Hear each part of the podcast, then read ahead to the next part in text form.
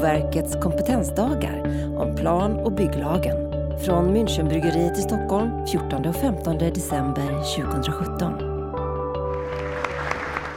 Här är Rinandes och eh, ja, du ska prata om framtidens samhällen. Jag heter Anders Sköldgren och är ny generaldirektör för Boverket. Kompetensdagarna handlar om effektiv tillämpning av PBL. Vilka verktyg hoppas du att deltagarna tar med sig? Ja, alltså en, en sak var ju precis som jag sa där, det är att jag tror att det är viktigt att man också träffas och diskuterar.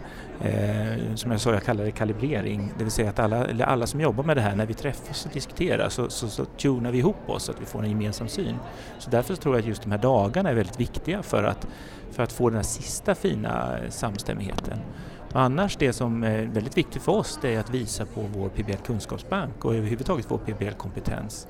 Där vi eh, försöker, och webbutsändningar och våra utbildningar och även då eh, vägledningar. Så hela det här paketet, att med de som finns här ska sprida det vidare, att det är ett väldigt bra verktyg för de som jobbar med plan och bygglagen att hitta kunskap. Så det är väl det att de blir vidare förmedlare om all den kunskap som finns i de här olika kanalerna. Inkludering, innovation och digitalisering var tre ord som du nämnde på scen. Kan du berätta lite vad de orden betyder för dig? Jag brukar börja med tre som handlar om hållbarhetens tre principer och sen koppling till det. Och eh, för mig så handlar det väldigt mycket om att vi, vi har flera utmaningar i samhället. En viktig fråga är ju givetvis att man behöver tillgång till en bostad. Alla behöver en tillgång till en bostad och det är inte bara en vara utan det är faktiskt ett, ett underliggande behov. Och vikten av att vi faktiskt löser det, att vi hittar lösningar så alla människor kan efterfråga det. Kombinationen med det är ju det man alltid blir orolig för, att vi måste också skapa ett inkluderande samhälle. Att vi, hur bygger vi vårt samhälle så att vi faktiskt alla medborgare känner att de är en del? För lyckas vi inte med det så kommer vi skapa större klyftor i samhället så skapar vi större risker för att vi får spänningar som kan leda till att vi faktiskt minskar demokratin. Så jag ser det här som en väldigt viktig fråga för att samhället ska utvecklas i en bra riktning. Och då är det hur, hur, hur skapar vi det här? Hur skapar vi den blandade miljön där olika människor med olika bakgrund bor tillsammans? Det tror jag är väldigt, väldigt viktigt. Och hur vi vi har ju byggt saker under alla åren, hur kan vi sen försöka läka ihop det vi har gjort och skapa någonting nytt bättre? Och det tror jag är väldigt, väldigt viktiga frågor. Och ska vi lyckas med det så behöver vi ju jobba med nya verktyg tror jag. Jag tror att vi, man brukar prata om innovationer bara ibland utifrån liksom teknisk innovation men vi behöver också vara innovativa i hur vi jobbar med våra frågor, hur vi jobbar med våra processer, hur vi har våra dialoger och hur, ja, hur hela samhällsutvecklingen ska förändras. Det behöver vi också vara, vara en innovation. Och där tror jag att ska vi lyckas med de här utmaningarna så måste vi tänka nytt. Vi måste göra nya lösningar. Och då tror jag att det är väldigt viktigt. Och då tror jag att digitaliseringen också är, en, är ett verktyg som, som möjliggör för mycket saker som, som kan ha varit svårt idag. Men medborgardialog är ju inte helt, helt lätt att få tag i människor men med digitaliseringen så kan man ju öka dialogen med medborgarna. Man kan också ge det möjligt för människor att förstå bättre varför ett beslut ser ut som det gör med digitaliseringen. Man kan tänka sig till exempel om man har ett bygglov så kan man ju liksom visuellt visa varför fick jag inte bygglov om man har digital och man kan också se om jag gör den här lilla förändringen så kan jag få det.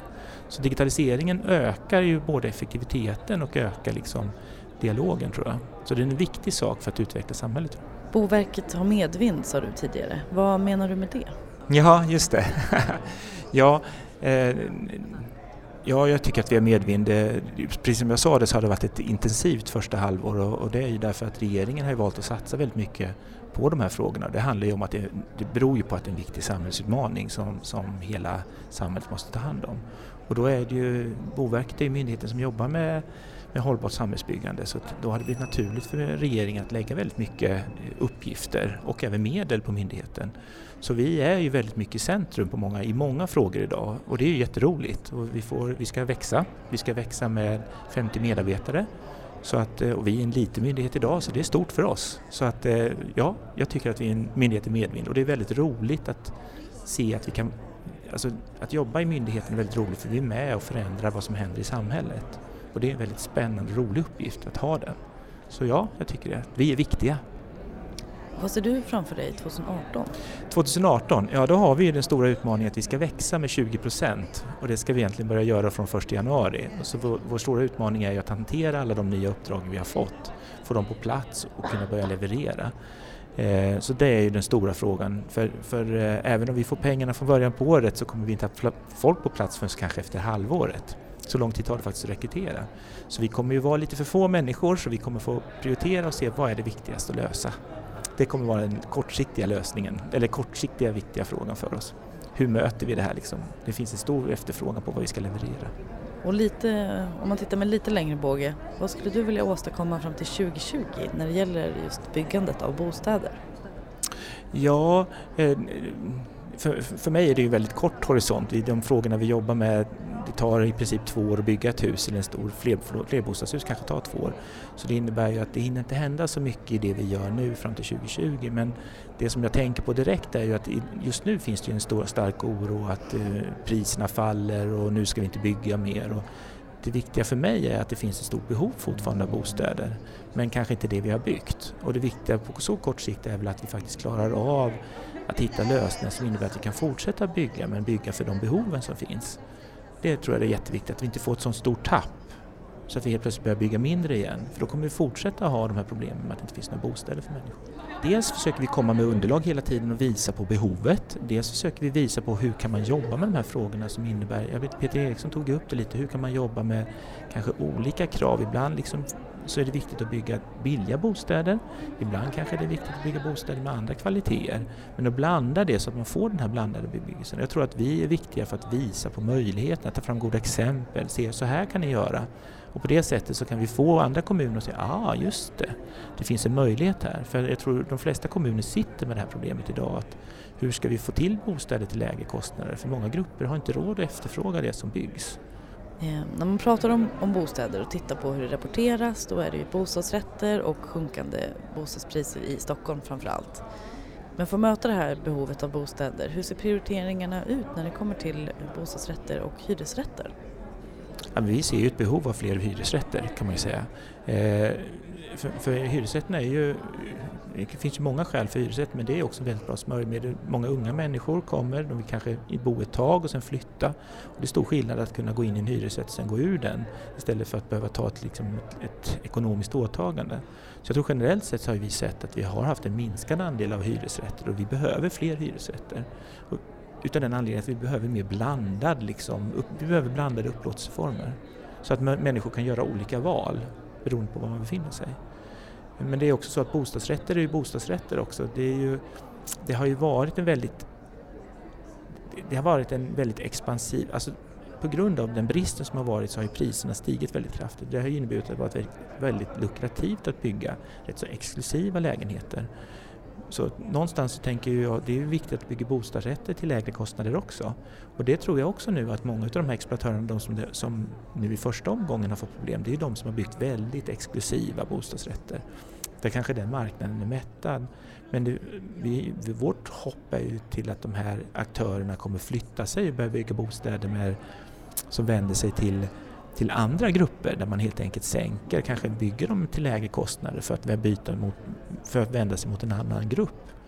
Så att både bostadsrätter och hyresrätter behövs ju till lägre nivåer än vad de är idag. På samma sätt så att du ska kunna göra olika val beroende på var du befinner dig i, i livet. Det är det viktiga. Jag tror att ur lag så är det det viktiga att vi har en, en möjlighet beroende på dina, ja, vad du vill göra för valet, att du faktiskt kan, kan göra de valen, att den möjligheten finns. Plan och bygglagen berör ju alla i Sverige, men vad betyder den lagstiftningen för dig? Ja, för, för mig så, så betyder den ju ja, man kan ju liksom lägga den på en mer teknisk nivå och sen så på en annan. Tekniskt så är det ju liksom, tycker jag det handlar väldigt mycket om avgränsningen. Vad, vad, vad har jag rätt att bestämma som, som ägare till någonting kontra min omgivning? Någonstans är det ju en avvägning mellan mina egna intressen och omgivningsintresse av någonting. Och det är det man försöker reglera med den här. Eh, så det är ju en del, att hur, var går, ja, vad är det egentligen som man ska kunna bestämma över det, någonting man har köpt då? En lägenhet eller ett hus och vad är det samhället har för och vår omgivning för påverkan på det. Så det är ju den ena liksom mer tekniska och den andra tycker jag handlar om att om man läser portalparagrafen till, eh, till eh, plan och bygglagen så är den väldigt fin. Och den handlar ju liksom om att vi ska skapa ett samhälle för oss alla gemensamt och det ska vara goda livsmiljöer för alla människor. Och det är ju den som, det, är det som är liksom hela tanken med att vi har den här lagstiftningen. Hur skapar vi det här goda samhället för alla? Och jag tycker det är en väldigt vacker tanke. Liksom. Så att portalparagrafen i PBL, den är faktiskt, den kan man läsa även om man inte är jurist. den är vacker. Tack. Du har lyssnat på en podcast från Boverkets kompetensdagar om plan och bygglagen. Producerat av produktionsbolaget Munk.